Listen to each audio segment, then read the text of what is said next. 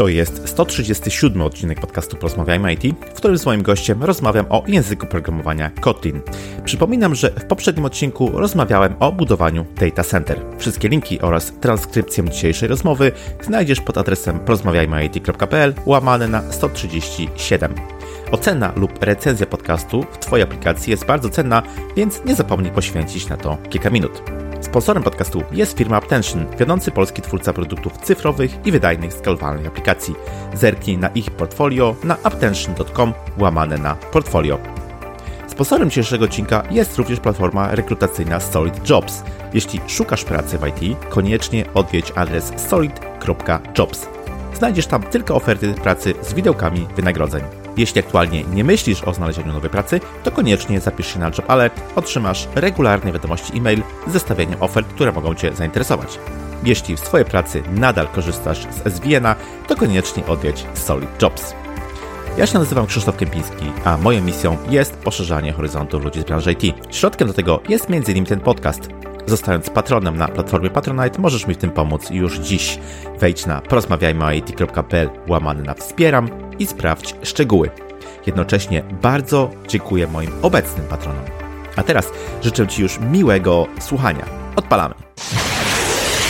Cześć, mój dzisiejszy gość to doświadczony programista, autor książek Effective Kotlin, JavaScript od podstaw oraz współautor Android Development with Kotlin, założyciel KT Academy, programuje od dziecka, występuje na międzynarodowych konferencjach programistycznych, posiada w dorobku liczne publikacje m.in. w magazynie Programista, pasjonat czytania, pisania książek, uczenia się i filozofii. Moim waszym gościem jest Marcin Moskała. Cześć Marcin, bardzo miło mi gościcie w podcaście.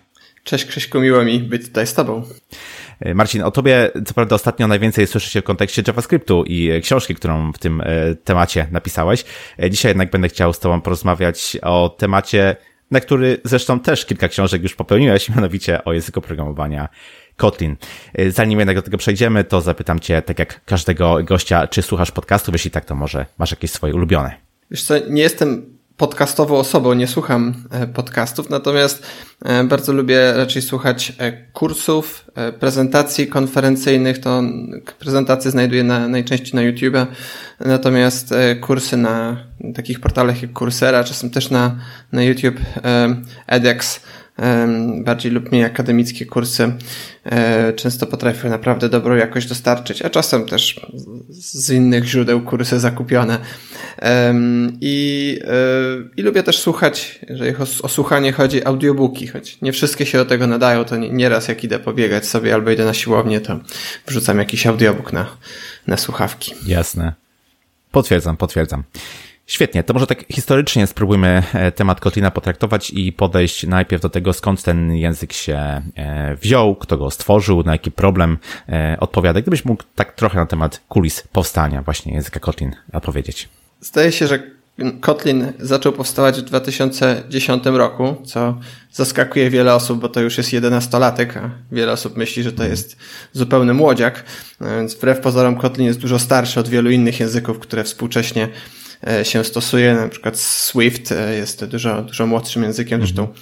wiele rzeczy sugeruje, że Swift wzorował się pod wieloma względami na Kotlinie. Kotlin powstał stworzony przez JetBrains. Z tego co wiem, JetBrains e, no, jako twórca IDE do różnych języków programistycznych bardzo się borykało z problemem tego, że jest tak dużo różnych, różnorodnych języków programowania. One wymagają swoich parserów.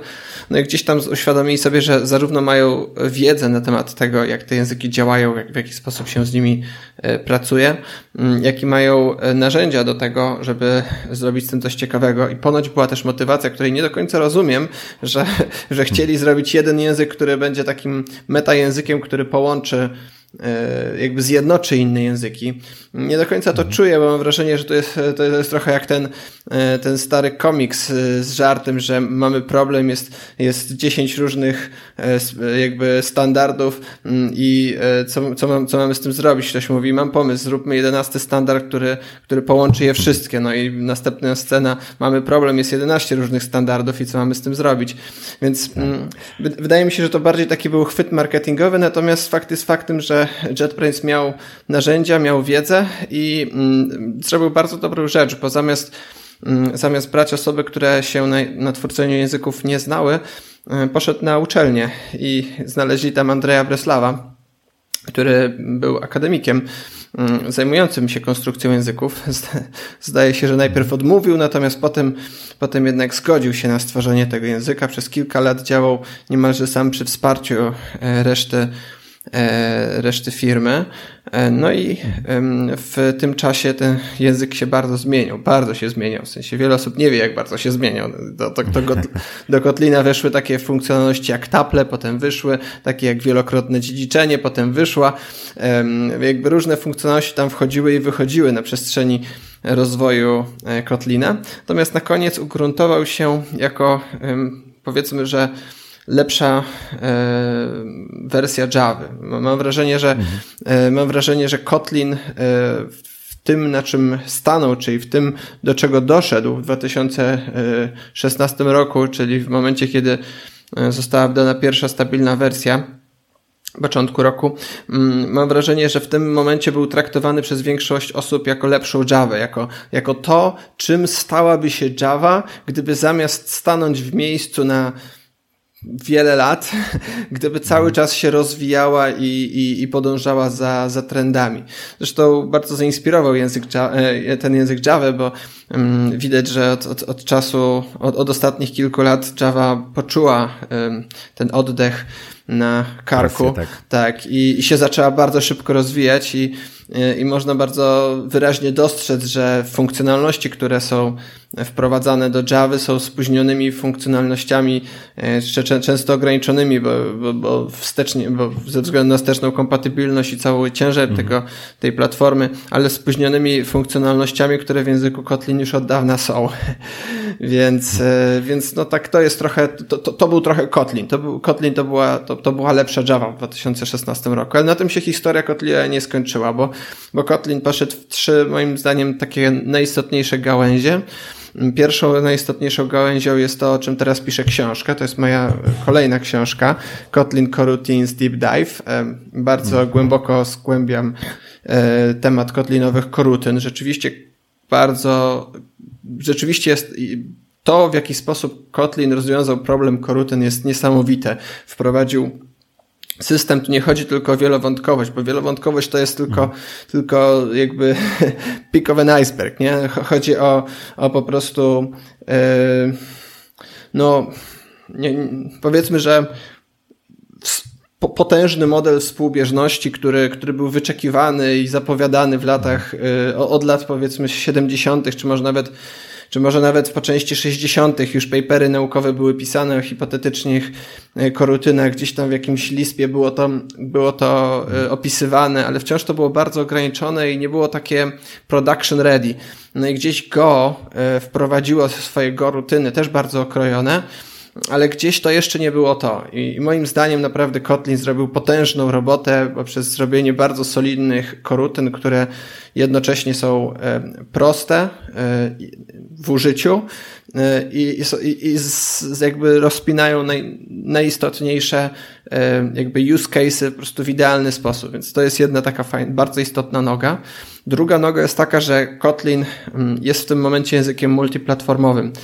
Kotlin już nie tylko kompiluje się do JVM, tak jak Java, czyli nie tylko chodzi na platformie JVM, ale również Kotlin jest kompilowany do JavaScriptu oraz do kodu natywnego do LLVM-a mhm. konkretnie, przez co, przez co do dowolnego typu urządzenia, tak? Można wpisać w Kotlinie programy na iPhone'a, Maca, e, na cokolwiek, na PlayStation, na Raspberry Pi, cokolwiek, tak? E, I co więcej, można w tym kotlinie, w czystym kotlinie pisać części wspólnej, co, co znaczy, że jeżeli jesteś twórcą biblioteki, którą chcesz wydać na ileś tam platform, to możesz napisać jedną bibliotekę raz i tylko zapewnić jakieś takie platform specific elementy, no i masz tu bibliotekę dostępną na JavaScripta, JVM'a, na różne urządzenia, na Pythona, na, na Rasta i wszędzie jest to natywnie, tak? Wszędzie jest to optymalnie dla danej platformy, co jest co jest potężną rzeczą, niesamowitą rzeczą. To jest rzecz, którą C-Sharp próbował zrobić, chociaż w C-Sharp jest to na odwrót. Ale już może nie wchodźmy w C-Sharpa, ale mm, powiedzmy, że już, już, już parę różnych technologii próbowało to zrobić i rzeczywiście tutaj też moim, moim zdaniem, mm, jeżeli to jest przyszłość, jeżeli rzeczywiście to jest ten kierunek, że chcemy mieć języki wieloplatformowe, a nie, a nie jeden język na wielu platformach, to są dwa różne podejścia, to mhm. jeżeli tak, to w tym momencie to, co oferuje Kotlin jest z, z tego, co wiem, najlepsze na rynku. A trzecią, mm, trzecią taką mm, gałęzią mm, Kotlina, to może nie do końca gałąź, ale bardziej taką e, przyszłością Kotlina jest to, że Kotlin nie pozwolił sobie na e, stanięcie w miejscu. Kotlin wprowadził mechanizm, mm, bo tak jak największym, największymi kajdanami Java i wielu innych języków Pythona i wielu innych języków jest wsteczna kompatybilność. I od, mhm. od samego początku Kotlin mm, widać, że bardzo mocno tworzony z myślą o tym, żeby się tym kajdanom nie dać zniewolić. I e, od razu były pisane wszystkie rzeczy tak, że na przykład wszystkie funkcje praktycznie z biblioteki standardowej nie zwracają konkretnych obiektów, tylko zwracają interfejsy co czujesz, jest już bardzo uwalniające, bo można podmieniać te konkretne obiekty, a poza tym jakby mm, właśnie na przykład sprawiło to, że bardzo łatwo było wprowadzić wieloplatformowość do tego, tak, bo różne obiekty na różnych platformach, tak długo jak długo implementują ten sam interfejs, wszystko jest w porządku. Natomiast to zostało dużo bardziej pchnięte w, w wersji 1.3.1.4 gdzie został wprowadzony pełen, pełen system, mm, pełen system e, jakby deprykacji oraz, oraz testowania nowych feature'ów. I, i ten e, jakby jakby jest, jest utworzony system, w jaki, w jaki, jeżeli na przykład chcą wprowadzić zmiany do języka, to konkretnie tam najpierw ta zmiana jest deprykowana, deprecated z automatyczną migracją, mm, że, że ty możesz tam samemu to przemigrować, ale też jest automatyczna migracja wbudowana w IntelliJ'a. Nowe funkcjonalności są najpierw oznaczane jako experimental y, i, i, i to wszystko już tworzy taki cykl jakby mm, nie tylko dodawania do języka, ale także zmieniania w języku, co co jest, co jest bardzo ważną rzeczą długo, długofalową. A drugą ważną rzeczą długofalową, która w tym momencie nie jest jeszcze mocno eksplorowana, chociaż już gdzieś się zaczyna pojawiać, jest tak zwany e, pluginy do kompilatora. To chodzi o to, że w zasadzie, jeżeli brakuje Ci jakiejś funkcjonalności w, Kotlinie, to jesteś w stanie sobie ją samemu napisać. E, ją dodać jako plugin. E, to jest jeszcze nieudokumentowane umyślnie, bo twórcy nie chcą tego jakby udostępniać do szerokiej publiki, raczej, raczej do twórców bibliotek, z którymi współpracują. Ale już są na przykład takie środowiska jak Arrow, który tworzy programowanie funkcyjne w Kotlinie i rzeczywiście dodaje własne funkcjonalności do języka, których tam po prostu nie ma. I, i no to i to właśnie działa przy pomocy tego mechanizmu. Albo Jetpack Compose, czyli taka bardzo popularna teraz biblioteka do tworzenia widoków w Androidzie. Nie tylko w Androidzie, ale też jest wieloplatformowa. Można stworzyć widok raz i ten sam widok chodzi tam na mhm. frontendzie, backendzie, desktopie, wszędzie. E, ona również w dużym stopniu e, wykorzystuje te, e, te pluginy do, do lepszego zapisu. Rozumiem. Taka duża plastyczność, mam wrażenie, z tego, co mówisz, e, wynika tego języka, ale też ekosystemu. Tak jak mówiłeś, opowiadałeś o historii, to e, mam wrażenie, że no z jednej strony chciano zrobić coś lepiej niż e, poprzednicy, ale z drugiej strony ten język, jak gdyby ekosystem się też tak mocno nie odcina od całego dorobku, powiedzmy, tak, w związku z rozwojem języków programowania i też jak gdyby, no, mocno wzoruje się na innych rozwiązaniach, co zresztą wcale mnie nie dziwi, bo obecnie wszystkie te języki programowania niezależnie, które by wziąć, to w dużej mierze gdzieś czerpią z, z podobnych e, wzorców, wzajemnie się e, inspirują. To, to zresztą jest też pewnie siłą napędową, takim motorem napędowym trochę e, przyspieszonego e, rozwoju. Może ten oddech, który Java gdzieś tam poczuła e, na karku, e, właśnie powoduje, że ten rozwój miał miejsce pomyślałem sobie też, e, jak opowiadałeś tutaj o tym, o tym systemie e, współbieżności, że to jest jedna z takich ważniejszych rzeczy obecnie, no bo mamy e, procesory, które są wielokorowe, tak? Wiele rzeczy może się dziać równocześnie, jednocześnie nie wszystkie języki w pełni z tego korzystają i tak jak kiedyś pamiętam taką ankietę, jak badano, która część albo jak, jaki tam powiedzmy typ programowania dla deweloperów jest najtrudniejszy, no to wszyscy gdzieś tam mówili o tym programowaniu właśnie e, współbieżnym, bo to rodzi e, dodatkowe, dodatkowe problemy, ale myślę sobie, że rodzi dlatego takie e, problemy, że język daje takie, a nie inne e, mechanizmy, żeby sobie z nimi e, radzić. To tak tytułem skomentowania może tego, co mm, powiedziałeś. Na końcu mówiłeś o tych e, trzech takich gałęziach, gdzie powiedzmy Kotlin obecnie najmocniej się e, rozwija, albo w Twojej opinii to są te gałęzie, które mogą świadczyć o jakimś sukcesie, czy powiedzmy mogą przyspieszać ten, e, ten, ten sukces. Chciałbym Cię zapytać o takie produkcyjne rozwiązania stosowane, stosowane faktycznie w rzeczywistych projektach, o takie miejsca, powiedzmy, gdzie się Kotlin obecnie e, wykorzystuje. No, Android jest oczywiście pewnie najbardziej flagowym przykładem, ale może będziesz w stanie powiedzieć jeszcze o innych e, zastosowaniach produkcyjnych języka Kotlin. Wbrew pozorom Kotlin jest w tym momencie, należy do grupy najczęściej wykorzystywanych języków produkcyjnie w Polsce. No w dużym stopniu ze względu na Androida, rzeczywiście. W tym momencie podejście twórców Androida jest takie, że wszystkie nowe powstałe programy powinny powstawać w Kotlinie, wszystkie stare powstałe programy powinny wykorzystywać Kotlina w większym, mniejszym stopniu. Wszystkie biblioteki androidowe są e, projektowane Kotlin First, czyli jakby jest atmosfera, która sprawia, że, że bardzo, bardzo niewiele pozostaje rozwijanych projektów, które są napisane w Java. Większość z nich albo się przeniosła, albo się przenosi na Kotlina. E, I w dodatku nowe narzędzia androidowe, niektóre, właśnie na przykład ten Jetpack Compose, który jest myślany jako przyszłość e, tworzenia widoków w Androidzie, on wymaga Kotlina. To nie jest tak, że można to zrobić w Java. Znaczy można się uprzeć, ale to, to nie ma sensu. To praktycznie trzeba zrobić, to, to trzeba robić w Kotlinie, żeby to miało sens. E, więc Android, a to jest duża część rynku. Android deweloperów, wbrew pozorom, już jest, jest całkiem niemało. Mhm. Ale wciąż e, największa część rynku, no to są backend deweloperzy, nie? E, I mm, to też jest taki paradoks, bo z jednej strony mm, w, w Androidzie ten Kotlin ma dominację, z drugiej, a jednocześnie Jednocześnie w backendzie e, ten Kotlin wydaje się wciąż taki niszowy, to już nie jest do końca niszowy, ale e, przez dysproporcję, że jest dużo więcej backend deweloperów niż Android deweloperów, mm, e, na większości konferencji, jakichś tam spotkań kotlinowych i tak dalej, mniej więcej statystyki pokazują, że 50% to są androidowcy, 50% to są backendowcy, więc można sobie wyobrazić, że, że tych backendowców tworzących w Kotlinie jest dosyć sporo. I nie ma w tym nic dziwnego. E, Spring bardzo mocno popiera Kotlina. Jest tam Sebastian Deleus, który bardzo mocno puszuje Kotlina. Jest dużo, dużo powstaje bibliotek kotlinowych e, w Springu. E, Spring robi wsparcie zresztą dla tych funkcji suspendujących, czyli dla koruten kotlinowych. Też ma natywne wsparcie już. E, od tam e, jednej z ostatnich wersji. E, I bardzo dużo firm na tego Kotlina się przenosi albo przeniosło. Takim flagowym przykładem jest Allegro, w którym pracuję, gdzie większość nowo powstałego kodu backendowego jeśli nie stanowcza większy. Szczerze mówiąc też nie mam statystyk, no bo wiadomo, jak tam jest z tysiąc programistów, to, mhm. to się e, widzi tylko swoje otoczenie.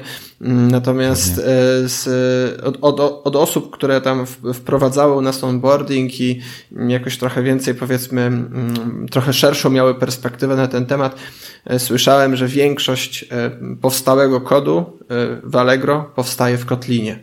Mhm. Jest to wspierane, fajne, lubiane. Ludzie po prostu bardzo lubią Kotlina, więc czemu nie?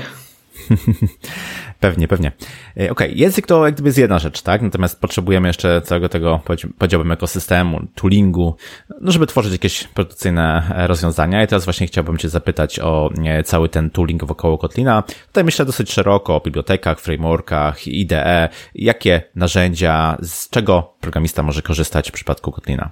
Można się domyślić, że skoro Kotlin został stworzony przez JetBrains, które jest twórcą narzędzi, najbardziej popularnych narzędzi, no to ma tutaj bardzo dobre wsparcie, ale nie tylko. JetBrains się od początku starał, żeby nie mieć na to e, dominacji. I Kotlin to mhm. bardzo wspiera. Kotlin jest z tego, co wiem, jest jedynym językiem, jaki znam, który nie musi być analizowany przez środowisko, ponieważ plugin jako taki ma swoje API dla środowiska. Jest to dosyć oczywiste. Wyobraź sobie, że tworzysz jednocześnie język programowania i, i, i tworzysz e, narzędzie do, do programowania w tym języku. Jest to chyba oczywiste, że zamiast tam tworzyć osobno jedno, osobno drugie, no to sobie tak zrobisz to ten kompilator tego języka, żeby ten kompilator zarówno potrafił ci odpowiedzieć na pytania, znaczy zarówno skompilować kod, jak i odpowiedzieć na pytania dotyczące twojego IDE. Ale to jest ogromne uproszczenie dla wszystkich twórców języków, ponieważ E, dla twórców narzędzi, ponieważ tam e, IntelliJ e, nie musi samemu się domyśleć, jak tam ten kod kotlinowy działa, no bo pyta się o to kompilatora, ale tak samo Eclipse czy, czy inne narzędzia nie muszą się tego domyśleć same, tylko się pytają, kompilatora. Szczerze mówiąc, nie wiem, jaki jest w tym momencie status Eclipse'a i innych narzędzi. Przypuszczam, że, przypuszczam, że są inne narzędzia, w którym można tworzyć, no ale standardem jest jednak IntelliJ. Ma bardzo dobre mhm. wsparcie. E, no, Kotlin jest oczkiem w głowie IntelliJ'a, więc bardzo dużo tam idzie wysiłków, to wszystko. Wiele projektów powstaje w IntelliJ'u w Kotlinie. Więc Mm, więc e, tutaj wsparcie jest bardzo dobre. Jeśli chodzi o biblioteki, to także e, cała masa bibliotek powstała jakby przez, przez JetBrains, natomiast całą masę ludzi też e, jakby stworzyło środowisko. Kotlin cieszył się bardzo dużym hypem, zwłaszcza w Androidzie. I ten hype sprawiał, że bardzo wiele bibliotek chętnie wprowadzało wsparcie dla Kotlina po to, żeby na ten hype się załapać. I mm, al, albo dlatego po prostu popierali ten język, tak jak na przykład Mm, nie wiem, czy jak, jak bardzo jesteś zaznajomiony ze środowiskiem androidowym, natomiast bardzo duży wpływ na środowisko androidowe ma taka firma Square, e, która, mhm. taka amerykańska firma, natomiast oni robią bardzo dobre biblioteki. Kupa bibliotek, między innymi Retrofit, czy, czy, czy Dagger oryginalnie powstawało, e, była tworzona przez Square'a, były przez niego tworzeni a przede wszystkim, nie, nie wyłącznie, ale w dużym stopniu przez takiego bardzo znanego celebrytę androidowego Jake'a Whartona, który właśnie był, był znany z tych bibliotek, znany z tego, że, że miał bardzo dobre jakby wyczucie, jakie biblioteki są potrzebne, a potem potrafił je bardzo dobrze mhm. zaimplementować i, i dobre API do nich zrobić. Więc Jake Wharton był jedną z osób, która jako pierwsza w środowisku androidowym mocno poparła e, Kotlina. Stworzył taki dokument, który rozszedł się jak viral po prostu w środowisku i, i cała masa osób, jak się, jak się pyta e, skąd e, dowiedzieli się o Kotlinie, to cała masa osób właśnie mówi, że z tego dokumentu. I, i, i ten, i no i nic dziwnego, że te wszystkie biblioteki bardzo szybko wprowadziły wsparcie dla funkcji suspendujących i dla, i dla Kotlina. W sensie no, w większości wsparcie nie było potrzebne, ale dodatkowe wsparcie, żeby jeszcze lepiej Kotlin z nimi współpracował. No i środowisko też bardzo pomagało. No tak, to jest, to jest niezbędny, niezbędny element. Mm, dobrze, a pomyślmy, e, czy też zaproponujmy słuchaczom taką, e, taki eksperyment, żeby właśnie spróbować swoją przygodę gdzieś tam z Kotlinem, e, nawet na swoim komputerze mm, ruszyć. To od czego powinni zacząć? Co pobrać, co zainstalować, żeby powiedzmy zacząć nawet ten Hello World e, e, e, stworzyć sobie? Powiem, że jest dużo fajnych sposobów na zaczęcie, natomiast jeżeli osobie, której jakby bezpośrednio nie mogę pomóc, miałbym coś zasugerować, to bym zasugerował, żeby wpisać sobie w internet Kotlin Koans, K-O-A-N-Y-S-y, to koansy to jest takie pojęcie w programowaniu dotyczące, e, mówiące o krótkich wyzwaniach programistycznych. E, I tam e, w dokumentacji Kotlina łatwo znajdziecie tą stronę Kotlin Cons, mm, no i tam można je wykonywać albo w internecie, albo w, w tam w IntelliJ Edu Tools. Mm, to są mm, wyzwania programistyczne mm, skierowane już dla, zakładam, że mówimy tutaj już o osobie, która jest programistą, programistką, która chce się nauczyć nowego języka, e, więc, więc zakładając e, taką sytuację, te, te, te klansy powinny być odpowiednie, bo one przeprowadzają cię przez kolejne wyzwania, ale najpierw wprowadzają teorię, no i potem jeszcze jakby nie zostawiają cię na lodzie, dają ci jakieś tam podpowiedzi i, i ewentualnie odpowiedź. E, więc e, no, pobawienie się z tymi e, jakby wyzwaniami programistycznymi jest, jest, jest chyba bardzo fajnym sposobem na, na start. Są też oczywiście mhm. książki, kursy. Jest bardzo dobry kurs na kurserze, co Coursera, Coursera.org, mm, który jest stworzony przez Andrzeja Breslawa, czyli twórcę Kotlina oraz Svetlanę Izakową, która między innymi stworzyła Kotlin Cans, jest bardzo znaną ewangelistką Kotlina zatrudnioną przez JetBrains. Właśnie stworzyli razem kurs nie pamiętam jak się dokładnie nazywał, ale, ale też, jest, też jest bardzo dobry jakościowo. Super, dzięki za te materiały. A jeśli mógłbyś porównać Kotlin, powiedzmy, jego otoczenie do jakichś innych dostępnych języków, innych dostępnych technologii, to jest coś, co według Ciebie leży blisko e, Kotlina, jest podobne, czy też no, różnice są na tyle duże, że ciężko znaleźć e, podobne rozwiązania? Podobnym rozwiązaniem na pewno jest Swift. E, Swift się Kotlin nigdy tego nie powiedział jawnie. Nie wiem ze względu na co, ale moim, moim zdaniem Swift się mocno wzorował na Kotlinie. To mhm. wydaje się być widoczne w języku. E, z drugiej strony Kotlin jest e, podobny do skali, bo Kotlin się wzorował na skali. I to akurat Kotlin się do tego mhm. przyznawał bardzo dużo. E, w pewnym momencie przestał. E, może właśnie dlatego, żeby, bo, bo, może właśnie dlatego, bo zaczął się robić konkurencją i zaczęła się robić konkurencja między tymi dwoma językami, ale fakt jest faktem, że Kotlin e, wzorował się na skali, natomiast bardzo mocno ją ucinał, bo skala jest strasznie, strasznie potężnym językiem, ciężkim, długo kompilującym się, dającym ogromne możliwości, a ogromne możliwości to jest też duża odpowiedzialność, której wielu programistów skalowych nie udźwiga, bo często projekt projekty skalowe kończą się po prostu przerostem. Oczywiście to zależy od projektu, ale e, bardzo powszechnym e, podejściem mm, wśród mm, speakerów, programistów jest to, że, że problemem skali jest to, że daje za dużo możliwości, a ludzie z nich nie potrafią korzystać i stosują nadmiar jakichś operatorów, jakiejś magii i tak dalej, co jest fajne, jak się ten kod pisze, bo jest krótki, piękny i zgrabny i w ogóle jak jakiś wiersz wygląda, albo jak jakieś, matem, jak jakieś wzory matematyczne wygląda, mhm. ale jak ktoś, kto nie jest tak doświadczony się, się za to zabiera, to, to się po prostu łapie za głowę i nie jest w stanie nic zrozumieć. E, więc e, pod tym, kotlem, pod, pod tym kątem Kotlin jest, jest, jest dużo lepszy, że Kotlin jednak bardzo, bardzo ukrócił mm, sprecyzował przypadki użycia i, i, i nie popłynął tak bardzo jak skala. Rozumiem, rozumiem. Mówiłeś na początku o historii, o tym, jak ten język, jak ten ekosystem powstawał, kto się do tego przyczyniał, jakie były właśnie całe to otoczenie powstawania. Mm, teraz chciałbym ten temat trochę pociągnąć i zapytać się, jak obecnie ten język, ten ekosystem się rozwija, jak wygląda e, community, no gdybyś mógł tak trochę zdradzić taki obecny stan e, rozwoju Kotlina. Wiesz, w moim odczuciu ja bardzo, bardzo lubiłem community kotlinowe, dopóki nie osiągnęliśmy e, wersji 1.0. Było naprawdę hipsterskie, fajne, e, otwarte, wszyscy się lubili, wspierali, w ogóle super. Pamiętam jak ogłaszali to, że Kotlin właśnie nie chodzi o wersję 1.0, chodzi o to, co było niedługo później.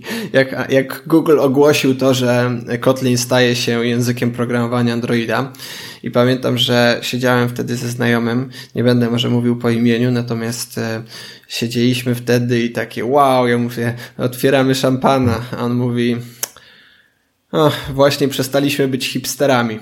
No i znajomy był tak. E, trochę bardziej doświadczony ode mnie, nie wiedziałem o co mu wtedy chodzi. On się niedługo z, e, przeniósł na blockchaina w ogóle, prze, przestał się interesować Kotlinem. Dopiero po, po latach zrozumiałem o co mu wtedy chodziło, że, że nagły jakby przypływ ludzi z zupełnie innym podejściem sprawił, że to wszystko przestało być takie fajne.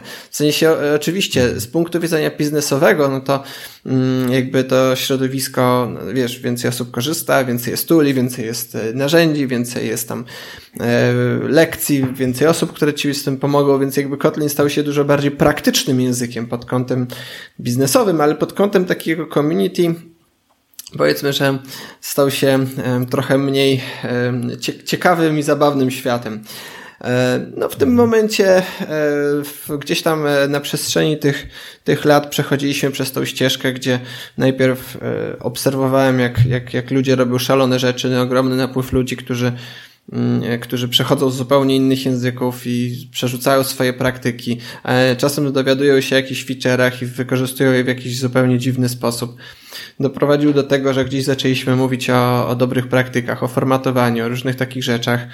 Więc gdzieś tam się zacząłem w tym udzielać. Napisałem Effective Kotlin, żeby, żeby tam też trochę to uporządkować.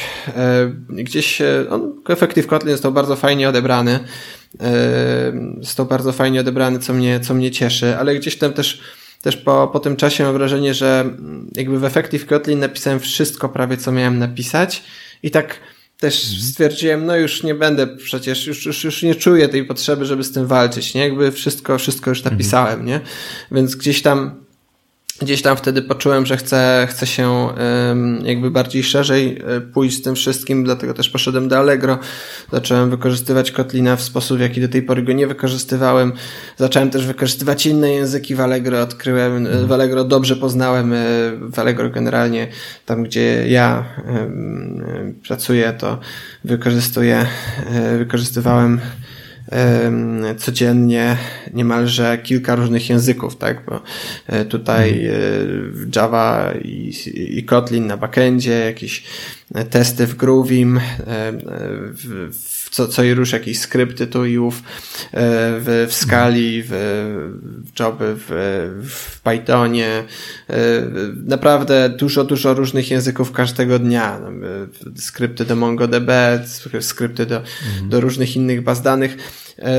Co też bardzo otworzyło moją głowę i też, też między innymi dlatego wtedy, jak potem zrobiła się pandemia i chciałem trochę, zastanawiałem się, co mogę zrobić, żeby troszkę ludziom pomóc, no zdecydowałem się na tą książkę już o JavaScriptie, a nie, a nie kolejną Kotlinie. Jasne. Wiesz, to, to jest też pytanie, czy e, takiej ewolucji, czy takich, e, takim zmianom da się w ogóle w jakiś sposób przeciwdziałać? Myślę, że nie, no bo to po prostu zawsze tak działa, że na początku jest e, tam grupa pasjonatów, którzy faktycznie są tym tematem zajawieni, później ten napływ osób, które niekoniecznie muszą być tak oddane językowi, natomiast chcą go wykorzystywać e, po prostu praktycznie w aplikacjach i ja doskonale wiem o czym mówisz, bo ja miałem podobnie z, z Ruby, e, gdzie też na początku był to mocno hipsterski język, e, później już no mm, wiadomo, jak to, jak to bywa, w momencie kiedy wielkie firmy, duże projekty się pojawiły, no to wtedy inaczej już i community i sam rozwój języka wyglądał, to jest chyba mm, nie do uniknięcia w każdym, w każdym przypadku. Tak. Um... Ale e, warto tutaj zwrócić uwagę, bo to, to są tak takie fale, jak zauważyłeś, nie? Naturalna fala. Mm. Oczywiście nie wszystkie fale, wiele fali się e, w pewien sposób pe na pewnym stopniu załamuje. I e, na, na przykład pamiętam, że e, dawno, dawno temu, jeszcze jak Kotlin był bardzo młody, jeszcze z, z rok zanim w ogóle zacząłem z niego skorzystać, a z dwa lata przynajmniej zanim, zanim e, wyszedł z bety, był 2014 rok, e, to e, właśnie kto, myślałem nad tym, czym się zainteresować i, i myślałem właśnie o, o Kotlinie. Już się uczyłem Kotlinę, jeszcze nie wykorzystywałem go na produkcji, już się go uczyłem.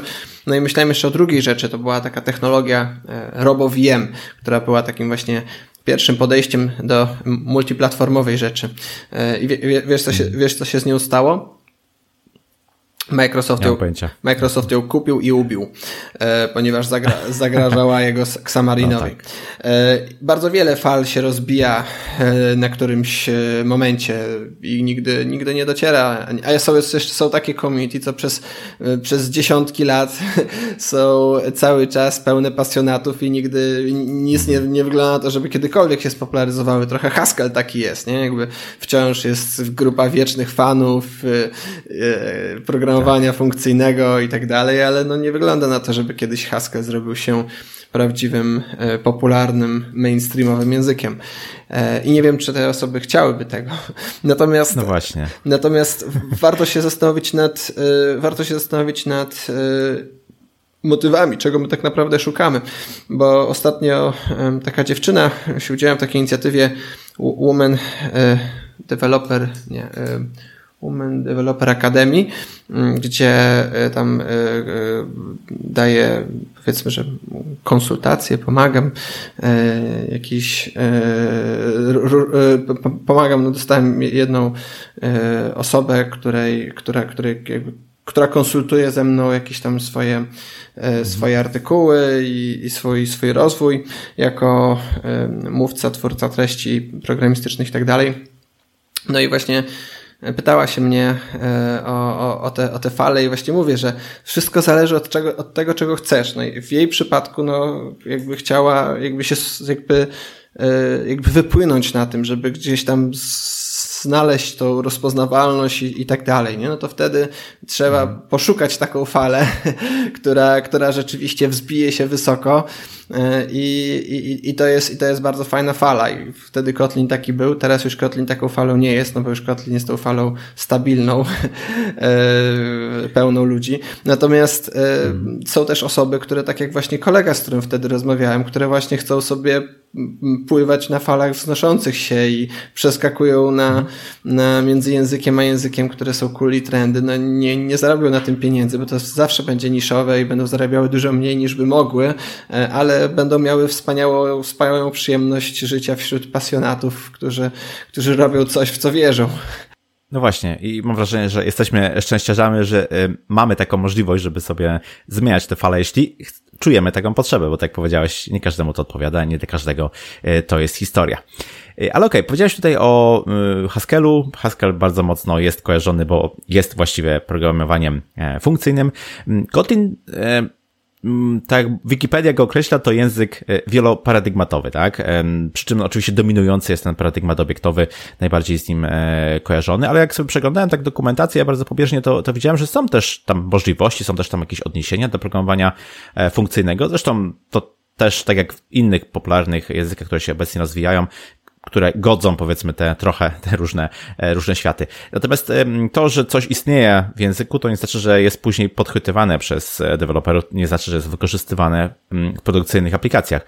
E, czy w Twojej opinii, czy z Twojej wiedzy wynika, że faktycznie programowanie funkcyjne jakoś w tych większych aplikacjach się wykorzystuje, czy też jest to raczej ciekawostka z języka? Wszystko zależy, co masz na myśli przez pojęcie programowanie funkcyjne. Bo ja znam przynajmniej trzy różne, e, powiedzmy, że definicje i podejścia do tego. Mhm. Pierwszą z nich jest e, funkcjonalności takie jak typy funkcyjne, funkcje lambda i tak dalej. To tak, to jest bardzo rzeczywiście silne, rozwinięte, wygodne i, w ogóle super w Kotlinie. Tak? W Kotlinie bardzo powszechnie wykorzystuje się przetwarzania, przetwarzania kolekcji, przetwarzania, tak, przez, przy, przy użyciu funkcji lambda. Mm, co bardzo często też się wykorzystuje podejście funkcyjne nawet dla pojedynczych obiektów, że robić taki flow dla obiektów przy pomocy takich rzeczy jak LED, który jest takim mapowaniem dla pojedynczego obiektu, albo also, który jest takim on each dla pojedynczego obiektu, więc um, jest tutaj bardzo dużo narzędzi i, i, i są one wykorzystywane, tak, z mojego doświadczenia bardzo, bardzo powszechnie. No, z drugiej strony wiele osób mówi o takich trochę bardziej hardkorowych pojęciach funkcyjnych e, i, i tutaj nie, Kotlin nie ma na przykład takich rzeczy jak carrying, nie ma jakichś specjalnych e, wbudowanych narzędzi do, do łączenia ze sobą funkcji.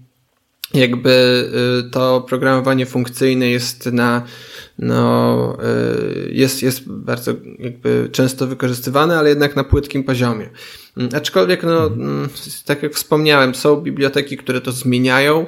Y, Arrow tutaj jest takim, no, w sumie największym graczem, który rzeczywiście dodaje bardzo dużo narzędzi. No i tutaj już się osoby bawią w takie bardzo mocno funkcyjne podejście. Natomiast testowaliśmy to. W moim, w moim odczuciu jest to umiarkowanie, umiarkowanie produkcyjnie e, sensowne, e, racjonalne. E, chociaż fakt jest faktem, że mm, współczesne zarówno aplikacje frontendowe, jak i backendowe ogólnie bardzo mocno odeszły od typowych wzorców obiektowych. No i w tym momencie mhm. Mm, są mm, no i właśnie dochodzimy do trzeciej rzeczy, o myśleniu funkcyjnym.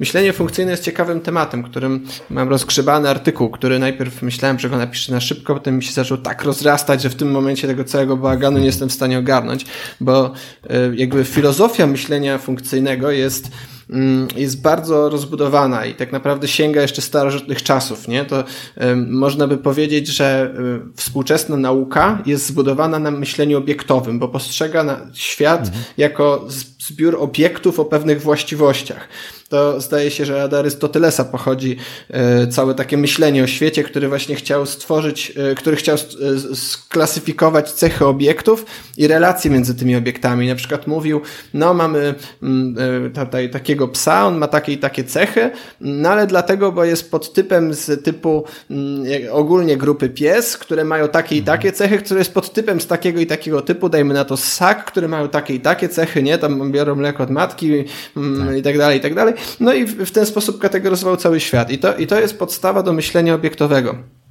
Z drugiej strony jest myślenie, które zostało bardzo zaniedbane przez myślenie funkcyjne mm, i dostrzega się go znacznie częściej w myśleniu mitologicznym, czyli właśnie myślenie funkcyjnym, myślenie funkcyjne. I teraz mm, wydaje mi się, że bardzo fajną metaforą, która pokazuje różnicę między tymi dwoma rzeczami, mm, jest pytanie, czym jest sypialnia? Czym jest sypialnia? Tak, no z jednej strony pomyślałbym o obiekcie, e, z drugiej strony pomyślałbym o funkcji spania. Tak, dokładnie. Więc z jednej strony sypialnię można, do, do sypialni można postrzegać jako zbiór obiektów, czyli sypialnia to jest miejsce, gdzie jest łóżko, lampka, okno, cokolwiek. E, i to, to łóżko ma swoją funkcję spania i to jest myślenie obiektowe, ale z drugiej strony jest myślenie funkcyjne. Sypialnia nie musi mieć łóżka, nie musi mieć okna, nie musi mieć lampki. Sypialnia to jest miejsce, które, które służy do tego, żeby tam spać. Może to być puste pomieszczenie. Jest sypialnią tak długo, jak mhm. długo ludzie przychodzą tam, żeby spać. Czyli jakby sypialnia jest definiowana przez, przez e, swoje, swoje funkcje. I myślenie obiekt, funkcyjne jest dużo, jakby, zauważ, że myślenie funkcyjne jest dużo ciężej wyrażalne. W sensie, E, my ponoć jest tak, że ludzie postępują przede wszystkim funkcyjnie, czyli myślą funkcyjnie, ale komunikujemy się przede wszystkim obiektowo, bo dużo łatwiej się mówi o obiektach i ich właściwościach. I teraz zauważ, że dokładnie tak samo postępują współczesne aplikacje. Pomyśl o tym w ten sposób. Mamy bazę danych. Baza danych traktuje rzeczy powiedzmy, że obiektowo, tak? Myśli o zbiorze obiektów. No ale potem mamy aplikację, która zazwyczaj jest zbiorem funkcji, którą ta aplikacja pełni. No ale na koniec ta aplikacja wysyła obiekty przez API i nasze API jest typowo obiektowe, tak? To jest zbiór obiektów, które potem są interpretowane przez interpretowany przez jakąś aplikację, która e, zazwyczaj, e, która zazwyczaj myśli o tym funkcyjnie, no ale na koniec tworzy widoki, a widoki są obiektami, tak? Więc e, te, te warstwy się przeplatają tak, jak, tak samo jak się przeplatają no, w naszym życiu.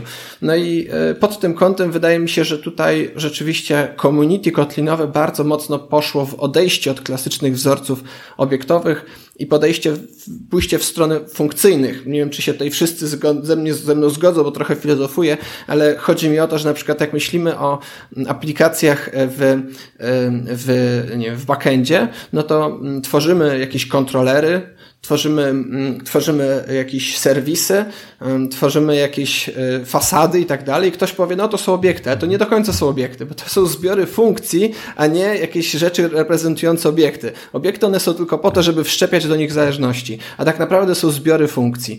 E, I, i wydaje mi się, że rzeczywiście jak spojrzymy na współczesne zarówno backendowe, jak i frontendowe aplikacje, to poza tymi krawędziami, czyli właśnie API oraz, oraz bazy danych oraz przejścia między warstwami, to e, jednak dużo, dużo więcej jest w nich myślenia funkcyjnego niż myślenia obiektowego. Ciekawe, on ten trend tak ogólnie jest bardziej zauważalny. Teraz mam wrażenie, że e, lekka moda na programowanie funkcyjne wróciła. Zresztą co, co ciekawe, to w językach programowania to najpierw raczej myśleliśmy, czy też tworzyliśmy języki programowania, które tak działały, dopiero później mm, programowanie obiektowe gdzieś zdobyło e, tutaj e, cało, ca, całość branży, ale to jak gdyby nie wnikajmy w to, bo to jest długa, długa historia. Mm, teraz chciałbym Cię zapytać, e, może niewygodne trochę pytanie, ale o to, co, czego Tobie brakuje w Kotlinie? Jakie uważasz problemy w tym języku są takie najbardziej jaskrawe na ten moment? Ja nie wiem, czy to jest rzeczywiście problem, ale powiem, że w ostatnim czasie dosyć sporo siedzę y, w TypeScriptie oraz w Pythonie i y, Jedna rzecz, która mm, nie, jest jakby w Kotlinie by design oczywiście, bo takie było myślenie wtedy, ale e, to jest to, że Kotlin jest statycznie typowany i rzeczywiście jest no, mhm. mocno statycznie typowany, tak? To typowanie jest na każdym poziomie.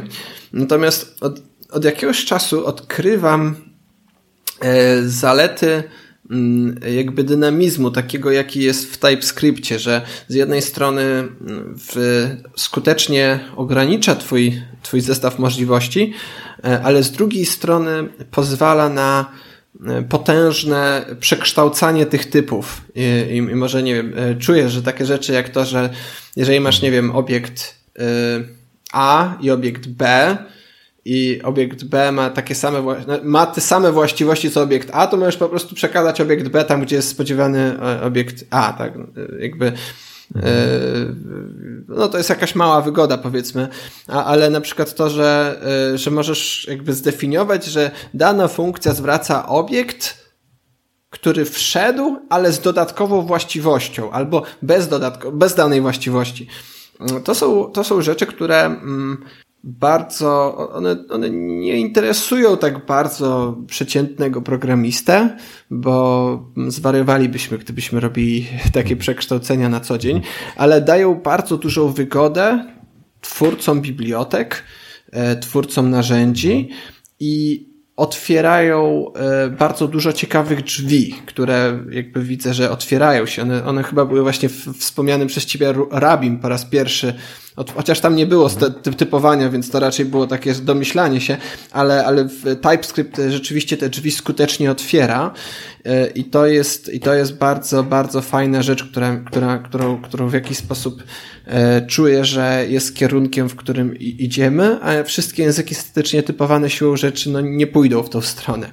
E, brakuje mi też pewnych funkcjonalności związanych z typami ogólnie, na przykład union type, tak, czyli albo w zależności od, e, od nomenklatury można powiedzieć sam type, e, czyli albo intersection type, e, czyli, czyli właśnie coś albo coś.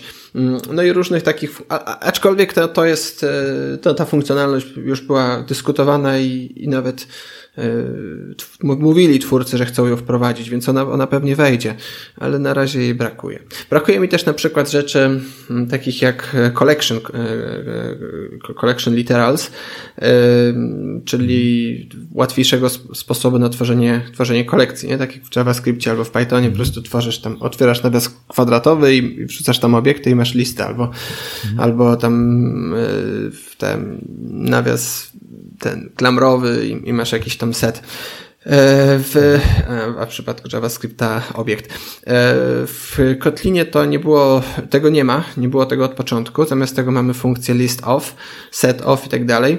Mm, aczkolwiek ta funkcjonalność nawet została zaimplementowana, bo w, w pewnym momencie było głosowanie na feature, ona, ona wygrała jak na pierwszym miejscu jako feature, który ludzie chcą, żeby wszedł do języka, więc już mhm. została zaimplementowana, już miała wejść, kiedy zaprotestowało kilka bardzo wpływowych osób w community, właśnie chyba najbardziej Jake Wharton, wspomniany mhm. wcześniej, że to bardzo dyskryminuje inne kolekcje względem wbudowanych kolekcji e, języka. I, e, I rzeczywiście to zatrzymało wydanie tego feature'a i do, te, do tej pory nie został wprowadzony. Z dwa lata temu już było. Mhm. Rozumiem. Y, to całe bogactwo tych możliwości, o których tutaj e, powiadasz, no może być na początku przytłaczające przynajmniej. Tak. W związku z tym zastanawiam się, czy, czy, czy to jest dobry język tak na start według ciebie? Tak, to jest y, odwieczny problem, nie? Jakby yy, im więcej funkcjonalności, tym więcej rzeczy trzeba się nauczyć, mhm. żeby zacząć. Ja, mm, no właśnie, to to jest też taki, mm, ja jeszcze rok czy dwa lata temu mówiłem, że, że nie, bo przecież Kotlin jest jak Java, tylko trudniejszy, no bo ma więcej, dużo więcej funkcjonalności. Ale kiedy pisałem tą książkę o JavaScriptie, yy, JavaScript od podstaw, którą kierowałem dla osób zupełnie początkujących, nauczyłem się jednej rzeczy. Zauważyłem, że JavaScript ma ogromną ilość przestarzałych funkcjonalności, których unikamy, tak? Jakiegoś podwójnego równa się po prostu unikamy jak ognia, e, albo no jakieś tam całą masę mamy rzeczy, które po prostu są uważane za lepiej tego nie ruszać, nie zbliżać się, nie róbmy tego.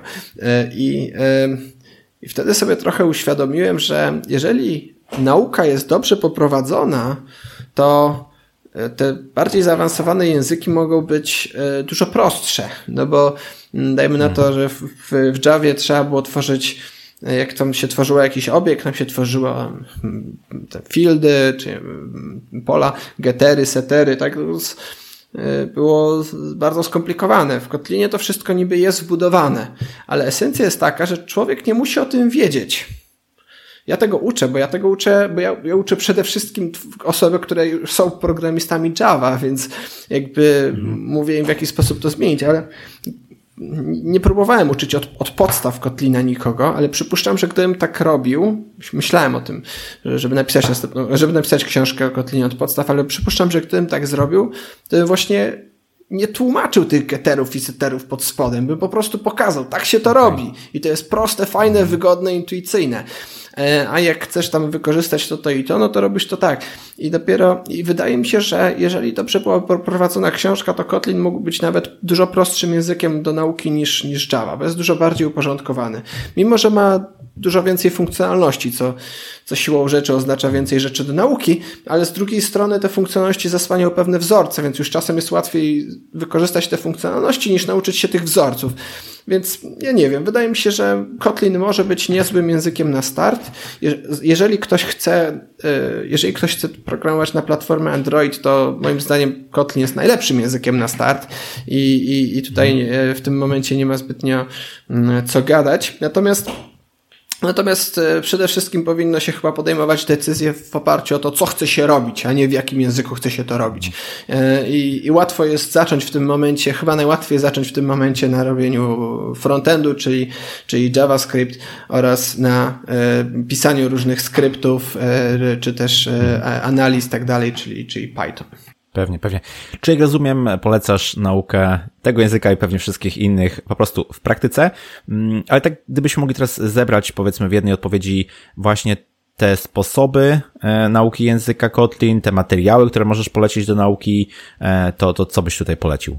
Ojejku, od podstaw nie jestem pewien. Bym, mm, bym musiał przejrzeć, jakie są, jakie są możliwości nauki od podstaw. Zbierałem rzeczywiście materiały dla nauki, nauki Kotlina dla osób, które już programują. E, to jest mhm. chyba częstszy case. Okej. Okay. Wspominałeś o tym kursie na kurserze. To jest myślę dobre miejsce, do którego można e, odesłać, tak? Ale okay. on chyba też jest stworzony dla osób, które już programują.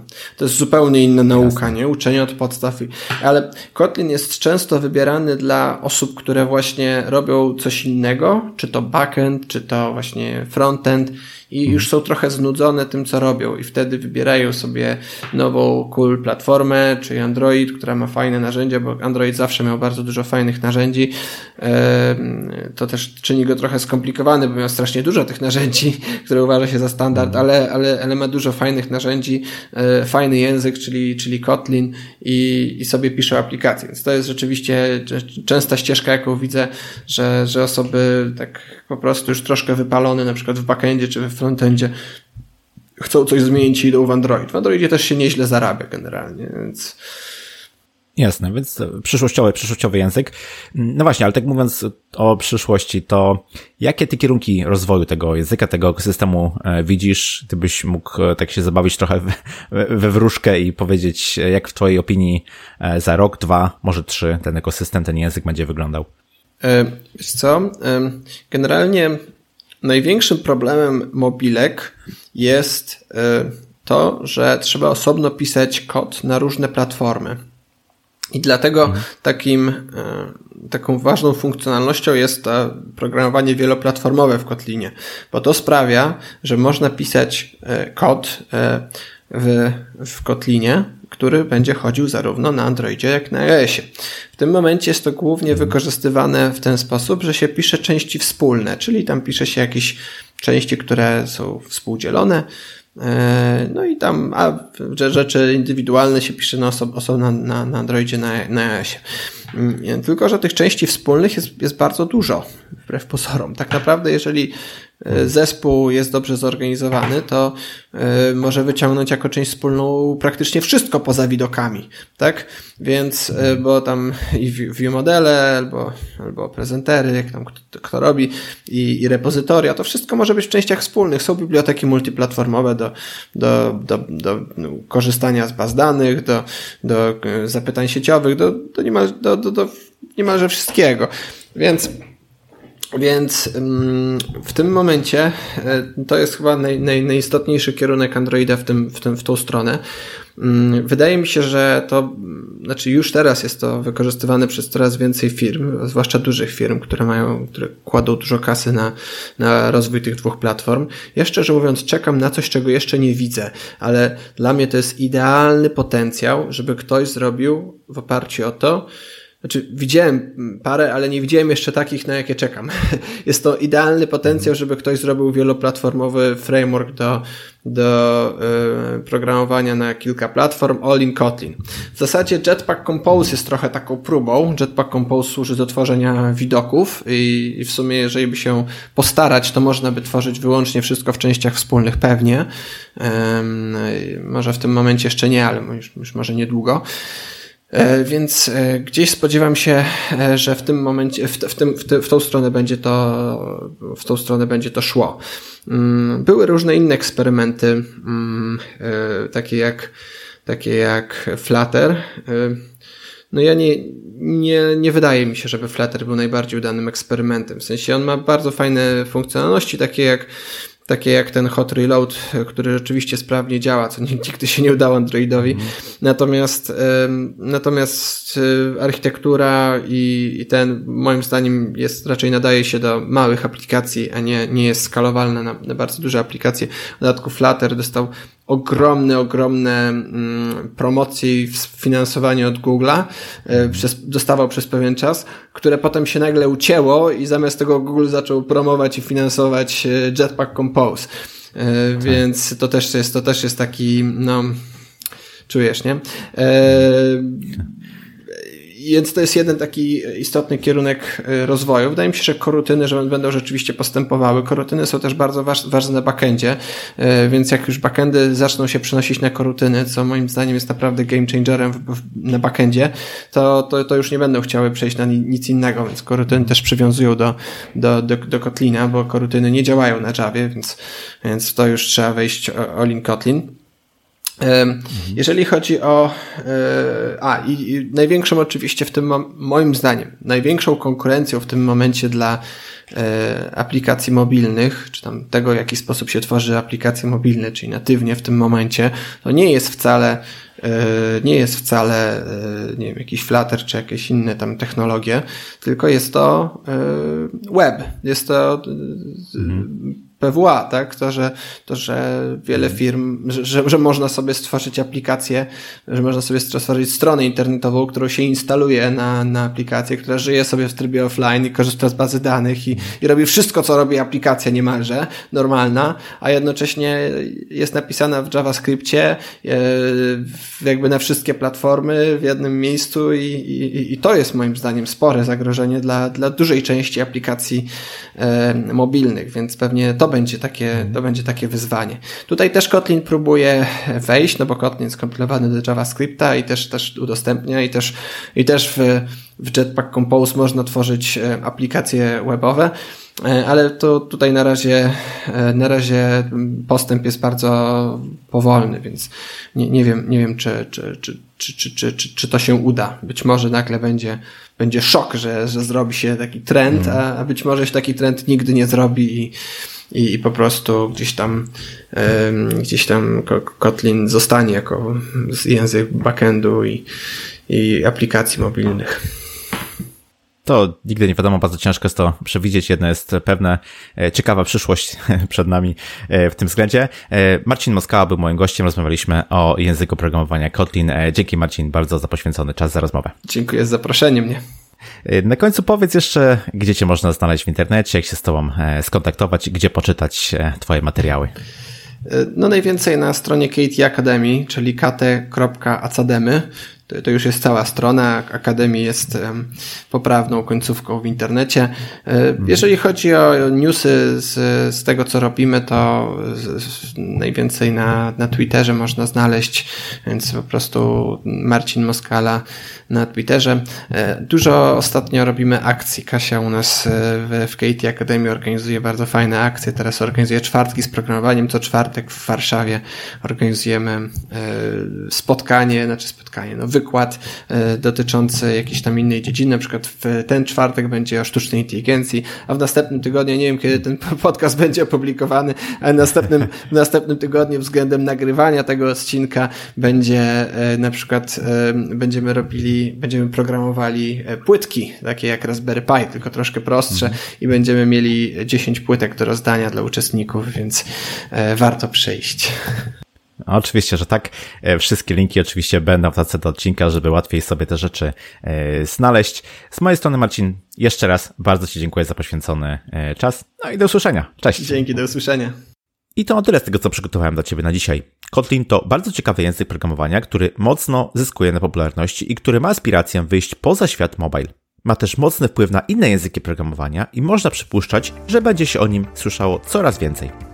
Jeśli ten odcinek był dla Ciebie interesujący i przydatny, oddziel się proszę recenzją, oceną i komentarzem w social mediach. Jeśli masz jakieś pytania, pisz śmiało na krzysztofmapa.porozmawiajmy.pl Zapraszam też do moich mediów społecznościowych.